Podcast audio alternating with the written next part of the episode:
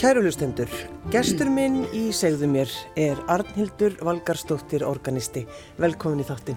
Takk kærlega fyrir, takk fyrir að bjóða mér. Eru organistar skrýtnir? Já, Þa, það getur sagt... Alveg, alveg óhyggjað, segir ég á.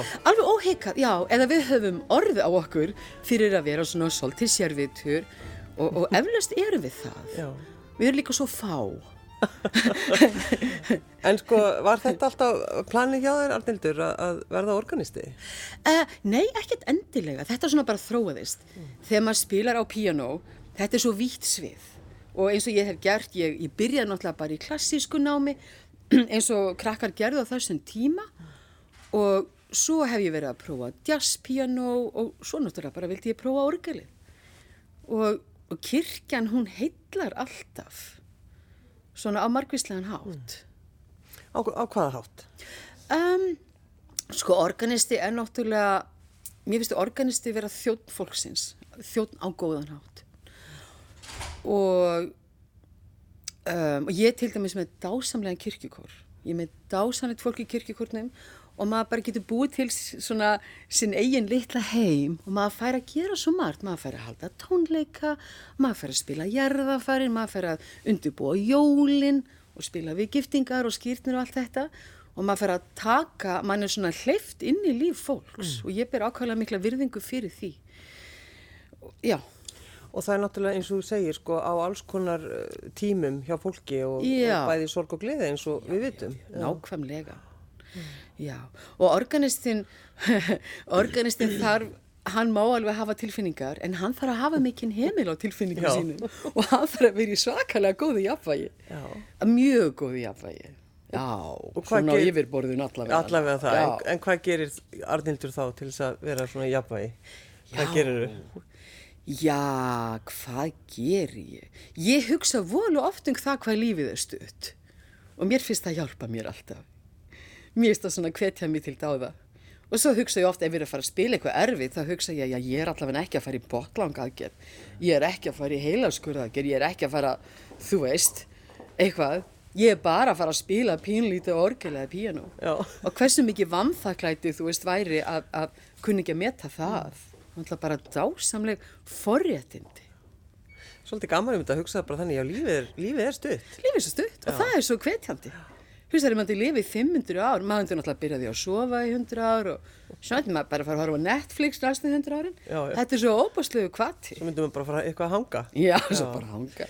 En, en sko, vera, vera organistið, þú þarfst náttúrulega það ekki þá svolítið svona að læra inn á uh, kirkju árið og bara í rauninni kannski biblíuna líka og svona? Jú, jú, jú, jú. Ég maður náttúrulega fyrir nám í tónskóla þjóðkirkjunar. Jú, og maður þarf að vera svona dálítið niður í biblíunni, vita nú svona um hvað þetta alls snýst. Mm. Og svo náttúrulega rullar kirkju árið sinn ring og það byrjar fyrsta desember. Og svo rullar það nú bara ring eftir ring og það eru ákveðnir lestrar, það eru ákveðir guðspjall, það eru ákveðnir rikningalestrar hvert sunnudag og, og það, og að því að ég elska skipulegja, ég er alveg óbáslu, ég elska að gera áallanir og ég skrifa marga, marga, marga lista og ég elska að tikka við þá. Ég bara reynlega ég, já, mér finnst þetta mjög mikilvægt. Og maður verður að vera mjög skipulaður í þessu starfi og gera áallanir ja. af því að ég meina maður er ekki aðleit maður er með heilan kirkjukór. Þau þurfa að vita svona pínulítið ok, komast þau í sumarbústað einhverja helgi eða bara ekki neitt En það er sko, eh, það eru mjög margir sem gera áallanir. Já. En það er ekkert allir sem sko standa við að það fara eftir því. Nei, það er ekki allir. Ég reynir það af fremsta já. megni. Já. He, hefur þú alltaf gert það þá eða? Nei, alls ekki. Ég, ég var frekka kærulus sem yngri mannskja og svona, og ég er það örgla einstinni og þess vegna er ég að gera áallanirnar. Það er svona að hjálpa mér. Já. Það er svona að halda ut hennu mig. Já. Hva, uh, hvaðan ertu? Ég náttúrulega, þegar við heyrum það að þú ert að norðan. Já, ég er öll að norðan. Ég er ekki vissum að sé hægt að finna einhvern fórföður eða fórmóður sem er ekki að norðan. Ég stór efast um það. Já. Sko, mamma er frá Drablastöðum í Mjóskadal og hennar fóreldrar voru frá Drablastöðum og Fornastöðum í Mjóskadal. Svo var pappi sem að lest 2018, hann var frá Hljóskóum á Greinivík og hans fóruðra voru frá Hljaskóum og Lómatjörn og svo bara gengur þetta svona aftur og rúlar aftur á Flatíðadalsheiði Já. og ég held ég sé bara í rauninni af Flatíðadalsheiðinni sko ef maður fyrir nógu langt eftir Já. bara svona eins og gamat steinn ég er Mamma- bara gamat þín. á Flatíðadalsheiði Já, mamma þín, já, Dómhildur, já, ymmit það kannast nú við þannig. Já, já, akkurat. Hún náttúrulega uh, býr núna í Moselsbæ en var starfað sem kennari og leið sögumæður og létt til sín taka í uh, stjættafélagi kennara og, og fleira. Var hann ekki kvennalistanum? Jú, jú, jú, jú. Einn af þeim, mögnu, þeim mögnuðu konum? Já, Já, nákvæmlega. Já. Já. En uh, þú ert, sko, þú náttúrulega elst upp bara á Akureyri, ekki? já, akkurat með hálfbróðum mínum Axel Axelsinni. Já, og mömmu. Hvar var pappiðinn? Hann var við nám út í London með konu sinni Katrínu Fjálstein og við erum svona í mjög litlu sambandi. Svo þegar ég er líklega 12 ára ég held að við öruglega hafa verið nákvæmlega 12 ára að þá hitti ég hann. Og mér fannst það bara svona skrítið. Ég hafði ekki upplifað að, að það væri einhver svona vöndun ég var bara þarna börn ekki satt þau eru bara á sínu heimili og það var mamma og það var bróði minn og allt í fína og já En varstu það ekki að, sko, ekkert einn að hugsa um pappaðinn? Jú, en það, veistu það, það var aðlega það, það voru krakkarnir í skólanum. Hver er pappi þinn? Já, sem við meira já, en þú. já, þú veist hvernig krakkar eru og, og, og hérna, Akureyri í gamla daga var náttúrulega dásanlegu staðar að mörguleiti en hvað ég segja, svona það spjalla voða mikið um náungan á Akureyri, ég er ekki að segja það sé slæmur hlutur, það er auðvitað bara æðislegt, en krakkarnir voru að spurja mig og ég man að ég í sundtíma og þá var einhverja stelpur sem hópuðu sér saman og "Nei, hver er pappi þinn? Akkur er hann ekki heima hjá þér? Og þá segi ég við mömmu hérna, þá gæti ég fengið að hérna hitta pappa. Og svo hefur hann örglega bara komið heim frá London í heimsóknu eða eitthvað og já, og ég hitt hann. Ég hugsa bara, já, ok, ég á þá pappa og hann er svona. Og ég hugsaði ekkert mikið meira. En, en hvernig, hvernig fannst þér að, að hitta hann? Hvernig um, leiðið með það? Mér fannst það bara skrítið og, og ég upplifði engar tilfinningar. Jú, ég var svona pínulítið fegin að, já, hann er þá til og hann lítur þá svona út. En í rauninni kannski upplifði ég ekkert mikla tilfinningar. En sko börn líka kannski á þessum tíma voru ekkert að svona útauðsa tilfinningu sín. Ég held ekki. Allavega ekki ég. En þetta líka, þessi sena sem þú ert að segja okkur frá Arnildur Valgarsdóttir í sundi að eflaust er, hefur þetta verið eitthvað sem að fullarna fólki hefur verið að spjalla við eldursporði, sko. Ég geti nú bara best trúaði á Akureyri. Það mætti nú, mætti segja mér það, sko. En, en, en hvað? Þú hittir hann 12 ára uh, og, og hvað? Farið að búa til samband? Já, það er svo sem ekki fyrir að setna. Það er ekki svona þegar ég kannski, jújú, jú, við vorum alltaf í svona svo litlu sambandi, svo eignast ég dóttur mína 1997 og svona upp úr því eins og örgulega bara típist þegar maður eignast barn og þá fyrir maður eitthvað að reyna að tengja við einhverja ættingja og svona og þá fór ég að fara á einhver ættamót og, og svo svona byggðist sambandið upp og má segja bara mjög gott vináttu samband. Já. Já, sem var bara besta mál. Og svo náttúrulega kynntist ég hálsískinu mínum þeim megin líka. En það, Já. sko, að, byggja upp samband og, og vera það einhvern veginn þannig, þú ert bara alveg upp á og góðu heimili hjá Já. móðinninni Dómhildi og, og hálbróðinum. Einmitt. en, þú veist, að þetta vantar alltaf eitthvað ef að pappin, eða þú veist ekki eða hefur ekki hitt pappaðinn. Þannig að þetta hefur svona náttúrulega breytt því. Já, já, auðvitað er það sko, auðvitað er það náttúrulega bara í genunum hans og í DNA-num hans. Þessi þörf, einhvern veginn. Já, og ég held að sé rosa svona, hvað ég segja, jú, það er svo sem örgla þörf, hvaðan kem ég og allt þetta sko, og sem næru þetta miklu lengra aftur en foreldrar. Það nær bara þetta aftur á þennan steina á flatjættalsheiði sko, eða bara aftur í hérna, bara, já, bara þá tíma þegar hérna normið sildu til Íslands og allt þetta sko. En ég, já, ég upplifi ekki neitt svona tilfinningarússipan eða neitt þannig sko. En, en einhverja reyði? Já, ég er öruglega bara svolítið tilfinningalus, Silla. En ég er kannski pínu eins og Íslandingar. Við erum, við erum svolítið að passa upp á allavegna ég. Ég er kannski bara elst upp í þannig umhverfi. Ég elst upp fyrir norðan. Þarna, þú veist, á sjöndu og áttundu áratöknum og ég bara svona elst upp við það að hafa heimil á mínu tilfinningum. En auðvitað hugsa maður eitt og annað. Ég maður samt ekki eftir einhverju svona drama. Nei. Nei, ég, ég man ekki eftir því. En svo geti ég náttúrulega farið í einhverja hundra sálfræði tíma og, og verið... Já, barið einhverja púða og eitthvað svona. Ég nenn ekki að stand. En, svo, meina, en sko Arnildur, þetta er Já. þessi setning er náttúrulega svo, hún er svo indisleg, sko að hafa heimil á tilfinningum sínum. Já, það er svolítið þannig. Ég voða mikið fyrir það, en kannski ætti ég að gera minna á því samt.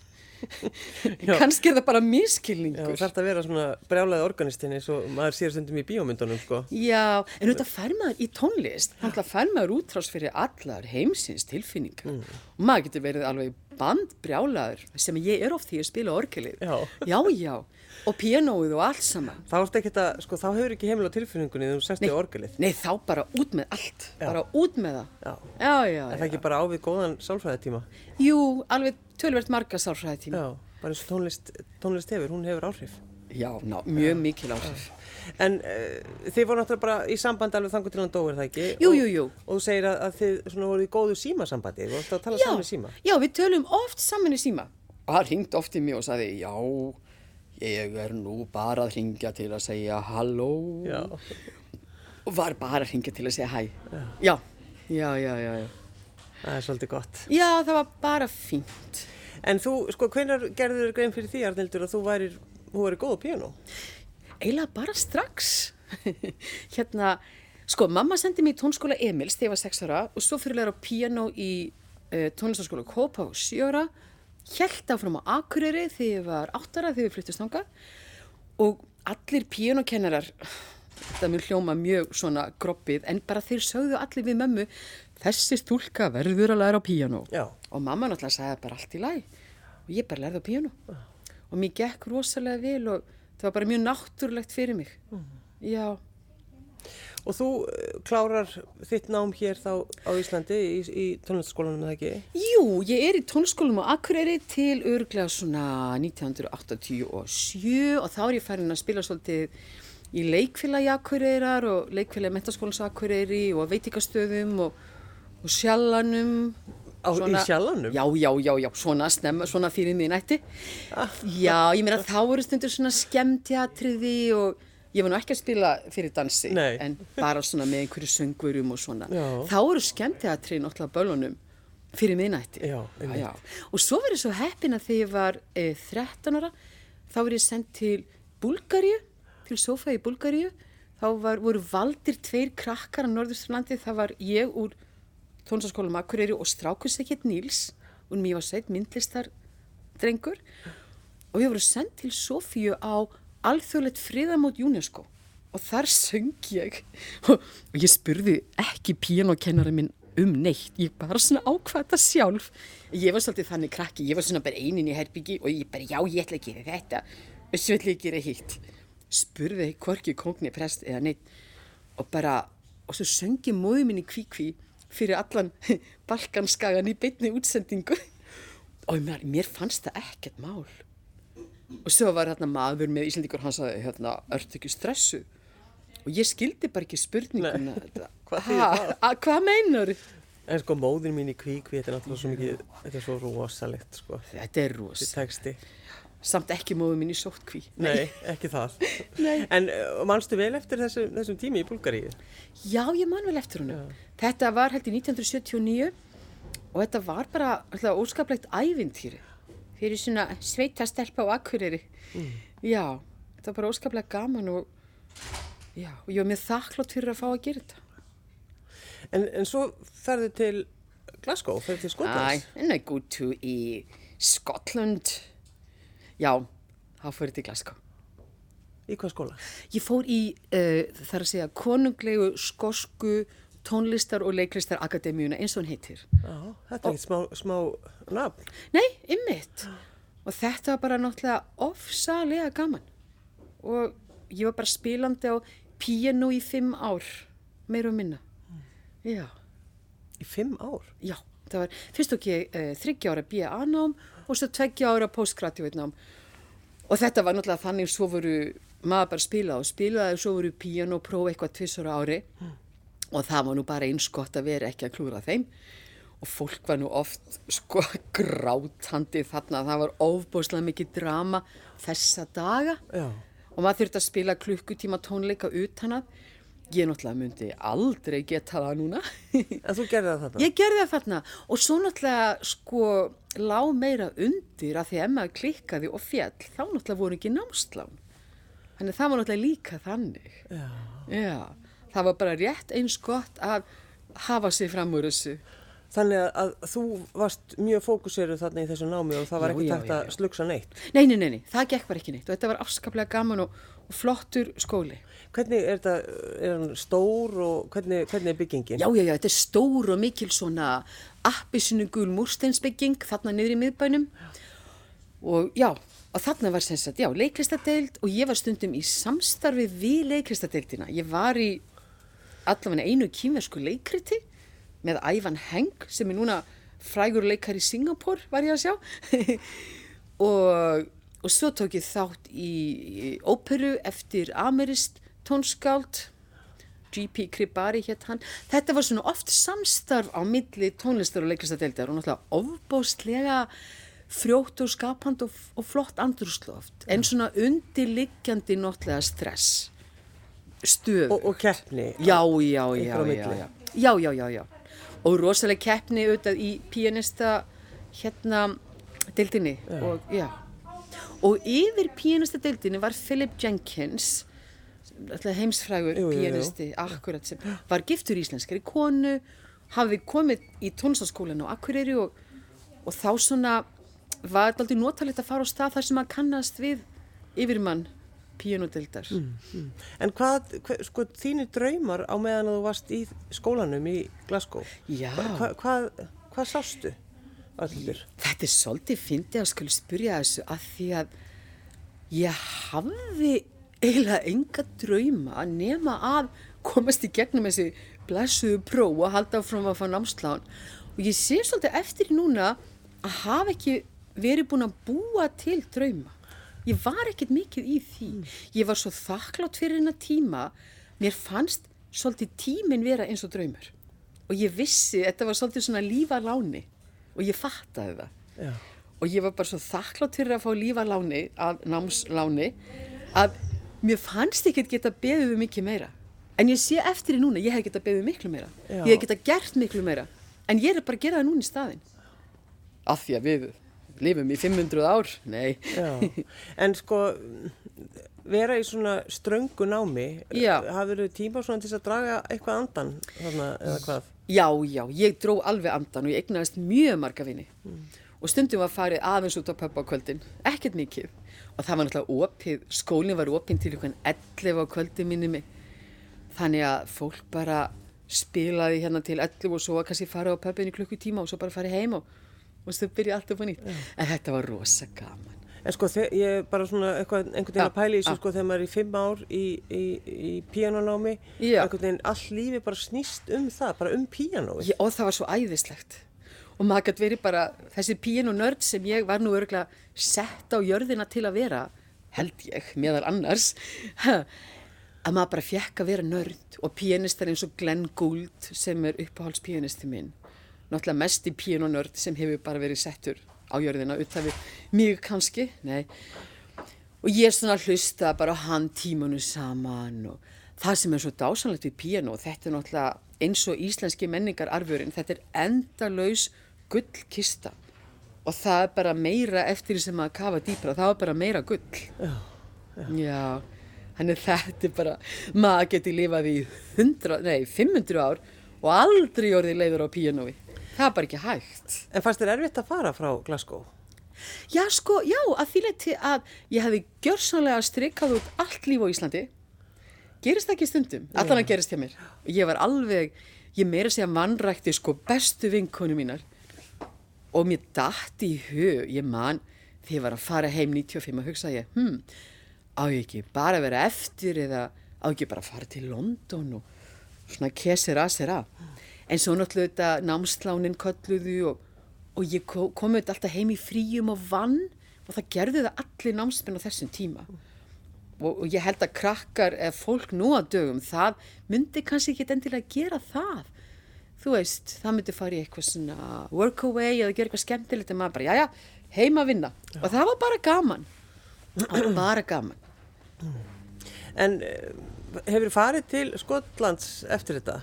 Já, já, ég fari oft til Skotlands og ég har marga vini í Skotlandi og ég til dæmis hef verið að spila með víruleikara sem heitir Catherine Wren og við vorum með tónleikaði fyrra og hún er með uh, verkefni sem heitir Nordic Viola já, já, já. og hefur fengið styrki til að ferðast svona á þessu svæði sem vorum að minnast á áðan uh, Granland, Færiar, Skotland, Hjallansegar og við erum með á planinu að hérna fara til Grænlands og spila og víðar. Svo fór ég 2019, þá var ég með svona sjó eða síningu á Ed Fringe Festival. Að að mér langaði, þá kom þessi draumur, sem með mér, já, ég á mér draum. Og ég bjóð til svona síningu, bara ég einn, því ég er svo mikið þannig að gera einn, þú veist svona. Uh, og þá, þá notaði ég þessa gullkistu, njálu og þrimskviðu og þjóðlögin. Og þetta er náttúrulega bara að koma upp í hendutun á mér. Og ég leik þrimskviðu á ennsku og ég notaði hárköllur og svona props. Og, það var svona pínu yfir strikið en nei það var ástrikinu. Ég sem við mér why the hell not sko? Hva, hvaða dómar er að fara að dæmi um það? Mm, ekki ég það var búið gaman en Sko, þú ert organisti í Já. Falla og Hólakirkju og þú, eins og þú nefndir áðan kórin. Ég er með svo góðan kór. Og þú talar einmitt um þetta, sko, hvaða er mikilvægt, að, sko, hvað kórastarf er mikilvægt? Það, það er náttúrulega bara engin endur á því mikilvægi og svona vísindarlega, uh, háskólinn í Frankúrt gerði konnun og það voru mæld sem sagt prótín sem heita held ég immunoglobulin A og sem að styrkja ónæmiskerfið og þeir voru mælt fyrir og eftir kórafingu. Eftir klukkustundar kórafingu þá mæltust þau marktækt töluvert herri sem sagt bein styrking á ónæmiskerfinu. Þetta er ekki slæmur bónus fyrir að syngja klukkutíma og svo kontról eða samanböruhópurinn var fólk sem að hlusta á tónlist ekki, engin prótín engin prótín hækkuð þar. Þannig að það að taka þátt sem að góð heilsa vísindarlega verður betri. Og svo er eitt náttúrulega brjála mikilvægt og þetta þarf náttúrulega að stúdira eða er ekki búið að því að eftir svo litla stund þá fara hjörtun að slá í takt. Ég meina hvað vil fólk hafa það betra? Hjörtun fara að slá í takt og svo náttúrulega æfir þetta líkams stöðu maður þarf að sitja beitt til að syngja ekkert að vera að krossa lappir eitthvað, bara vera beitt lofa blóðin að flæða og svo náttúrulega styrkir þetta hálsvöðvana, þetta hjálpa til við svepp og En þetta er skemmtilegt sko, þú týnir til alla þessa hluti. Já. Það er kannski, hérna, og rannsóknin, hún er svolítið skemmtileg. Hún er skemmtileg Já. og þetta er bara alveg staðrænt og svo líka hlínar fólki við að syngja manni hlínar. Þú veist á kalda Íslandi á hlínar manni. Já, já. Er, eitthvað, er eitthvað meira sem að gerist þegar maður syngur? Ertu meiri um, upplýsingar? já, þetta reynir líka á heilan. Þetta æfir ekki bara uh, uh, líkamann heldur þetta heilan mjög mikið. Mm. og mér er sagt að einn besta æfingi sé svo þegar maður er að syngja salma og það eru nótur af fyrsta erindinu á bladi og svo eru hín erindinu á öðru bladi og maður þarf alltaf að svissa á milli bladana með augunum. Það er vist rosalega góð æfing fyrir heilan. Og, og fólk æfir. Innbeitingu þetta er sko hvað æfist ekki? Og svo náttúrulega æfir það félagsfærni og samskipti. Mm. og þegar maður er að syngja kór þá verður maður að vera jákvæður og gladur og rannsóknir sína líka uh, maður syngur betur en maður brósir það er líka vísindalegt.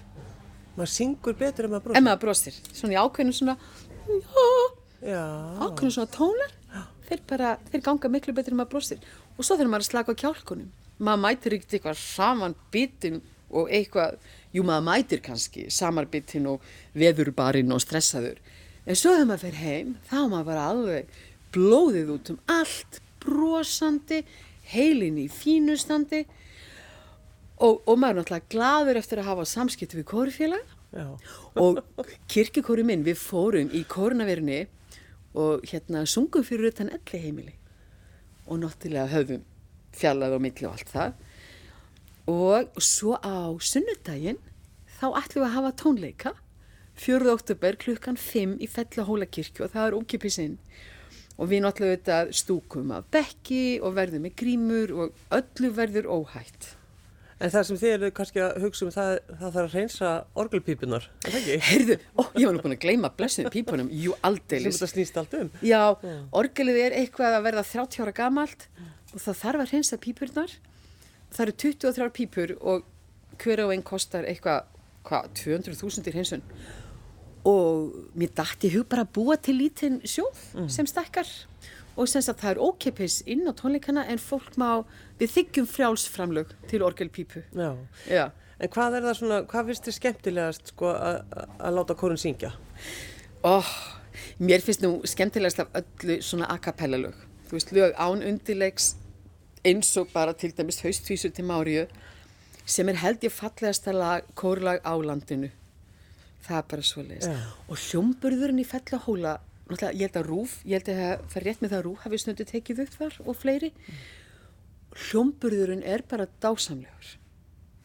Og þá er þetta að leika sér með hljómburð og líka þá í leiðinni leika sér með þögnina. Þögnin sem kemur á eftir tónin Já, hún er frábær. Já, hún er frábær. En, en sko, hugsaður stundum uh, hugsaður um það já, ég er á réttum stað? Ó Ég hugsa aldrei allaveg ég sé á vittlusum stað. Ég veit ekki hvort það er að sama, nei. Ég, ég hef átt að vera múrari. Nei, ég er aldrei þar. En, jú, ég hugsa ég sé á réttum stað, en ég hugsa líka sé til fleiri staðir. Hmm. En ég er samt alveg á mjög réttum staði í fell og hóla og, og þessi kór, ég bara get nú ekki hrósa þessum kór nóg. Þau eru svo falleg og skemmtileg og syngja svo vel og það er bara svo góður andi hjá okkur. Hvernig kórstjóri ertu? Mér er sagt þessi smá flippuð en ég trúi því nú aldrei alveg. sko ég er mjög skipluð, ég gerir langar langar áallanir og ég reynir að láta allt standa og ég reynir voða mikið að láta öllum líða vel og ég veit alveg að við konurnar einu svolítið því og öllum verður að líða vel á mína ábyrð en En það, ég, og ég er bara búin að sætta mig við það, ég er þannig og mér finnst það allt í lagi og ég reynir bara, ég hugsa alltaf, öllu þarf að líða vel. En svo hugsa ég líka, þú veist, ég stjórna hér og allir vita það og allir eru góðið með það. Uh. Ef maður er stjórnandi þá þarf maður að vera stjórnandi, ekki bara einhver gufa. Þannig ég alveg stjórna, mm. en ég reyna að hafa pínu skemmtilegt og stundu fýblast ég aðeins. En þegar þú hugsað til Akureyrar, svona þín æsku ár, þegar þú ert þarna bara lítil og, og, og, og stuð á Akureyri, var það ekki? Jú. Þið hlupið bara út og komið heim um miðnætti. Já, já, alveg. Og stundum fóru við hérna, sko það var náttúrulega svona kannski 20-30 krakkar í vinahóp sem bara svona, svona sveipluðist eins og einhver svona bara hópur hérna út um allan bæin og það var hjólað út um allt, allir áttu hjól, elgamla hjálka. Svo stundir setti maður svona spil úr spilastokk til að kemja svona eins og svona eins og var í mótor í hjólinu sem var náttúrulega ekki. Og svo það eitt af skemmtilegasta sem við gerðum, ég og Steina vinkuna, þá hjólum við upp á Ruslahauga og skoðum, rannsökuðum allt þar og og svo við vorum búin að rannsaka þá borðuðum við mísing upp úr mísingstóllum með engu. Við vorum með skeiðar bara og borðuðum mísing upp á ruslahöfum. Þetta var það besta. Voru það að skoða, skoða rusli? já, já, já, á þeim tíma, hugsaður á þeim tíma, það máttu krakka skoða rusl. Og það, ég meina, ég sæði nú að anda krakka fara í sorpu í dag, ég held nú bara ekki Og svo vorum við að gera dýrabjallu að hjá gamla fólkinu, afsakið, og svo vorum við að horfa í gegnum gluggana hjá nákvæmlega sem við áttu lítasjóvarp. við lágum svona glukkanum og horfðum að prúðuleikarana. Já, í lit. Já, auðmikið fólki í stofinni bara, oh, ok. Hvar, hvar er stalin upp á Akureyri? Á brekkunni, í einulundi Þetta var náttúrulega dásanlegt Þetta var svo gama því lit frelsi. Já Var það verið að byggja mikið þannig kring eða hvernig var þetta? Var þetta já, já, já, já, já, ég brekka náði nú örgleikit nema bara rétt svo og ég meina allt þetta nýja þorp, það náttúrulega var bara ekkert til sko og svo var svona eitthvað brekkusniglar og, og, og þorparar og, og svo var náttúrulega þóru og káa og það var svo stemming sko já. og fyrsta daginn í lundarskóla var ég spyr já, já, ég átti hjól og ég málaði það blátt og gullt og, það, og svo var sagt við mig já, þú heldur með káa hæ, og þá voru var blátt og gullt eitthvað litir káa en þósar að vera rauður og hvítur. Þannig ég neittist til að halda mig káa Já, þú varst búin að uh, mála hjóli Já, bara óvart. Er það þannig, Arnildur, að þú svona finnur á þér hluti, hluti og ferð eftir því? Já. Er þetta eins og fólk talar, talar um, já, ég er næm Já, ég er afskaplega næm. Já, en er þetta ekki svolítið, ég held þetta sé í genum Íslendinga. Ég meina, þú veist amma spáði í botla hversu margar voru ekki allar gamla konu spáandi í botla og eru enþá og hérna hvað dreymdi þið nú í nótt? Heldur að sé fyrir góðu? Ég meina, ég er ekki vissum að þetta sé svona í öðru löndum. Að fólk sé alltaf að velta fyrir sig hverju hverju draumatinn eru. En til dæmis ef ég er að fara að kenna á piano og það er á að koma sjö nefndur þá veit ég alltaf ef einhver kemur ekki. Og ég veit alltaf næstum alveg það er svona hálf þrjú eða þrjú og þetta bara klikkar aldrei. En það finna er ég reyni ekki að hugsa um þetta. Þetta er bara svona dettur hún í hausinu á mér. Ég held þetta sé alltaf algengt á Íslandi. Við erum alltaf svona við erum alltaf svona forn og því við, er það ekki? Það er, það er eitthvað, eitthvað þannig. Já, við erum svolítið nortnir Já, ég meina Já, þú segir það. Já, æ, ok, allt í læg En þegar, þegar þú varst í námunuðin í Glasgow uh, og, og fóst yfir lett í sömubúðin að köpa kaffi. Já, einmitt. Þegar þú hittir mannin sem afgreitið alltaf. Já, æ, það var svona gammal You are right hen. Þannig að útlegst á íslensku er allt í lagi með þig, hæna því þeir kalla maður alltaf henn ef þið vilja vera góðir og það var þarna gammal kall og hann seldi sko franskar með etiki inn í svona dagblöðum eins og var gert. Já, þú varst þar þar. Já, og það var svo gaman í gömlu Glasgow. Nú er Glasgow verið svona eitthvað turista svona rosa eitthvað tískuborg. En þetta var gamla Glasgow þar sem voru selda franskar í dagblöðum. Það var indislegt. Og hann var alltaf svo res og einn daginn var hann bara rosa dapur. Og ég segi náttúrulega við henn, að ræ henn, að ræ henn á móti. Og þá segir hann mér að Jón Pál sé dáin sterkasti maður í heimi. Já. og hann var rosalega dapur. Að því að sko og þá komst ég að því að það var heilt kalla samfélagi í Glasgow sem bara elskaði Jón Pál og þeir voru eðilaðir og margar liftingakeppnir voru held ég haldnar já, já, í Glasgow og þarna akkurat. Já. En Arnildur, þú ætlar að stjórna kórnuðinum að festu. Hvað, hvað ætlið að syngja? Hvað verður, hvað verður á prógraminu? Við ætlum að syngja til dæmis þetta. Sólei, sólu færi, situr við hafið á kóralskóm. Og svo framvegs. Þetta er sólega hvæði Jóhannesar úr Köllum, við lag Péturs Pálssonar. Og þetta var samið þegar Ísland var að gangi í NATO og þetta var spilað að held ég á fyrsta fundi samtaka herstuða anstæðinga mm -hmm. og þetta fjallar um sólegu, sólufæri sem er að reyna að vekja rittarana og hvetja á til dáða. Svo allt fara nú ekki alveg reynd í kalda kól Þetta er dásanlegt lag. Þetta er svo dásanlegt þau elska að syngja það.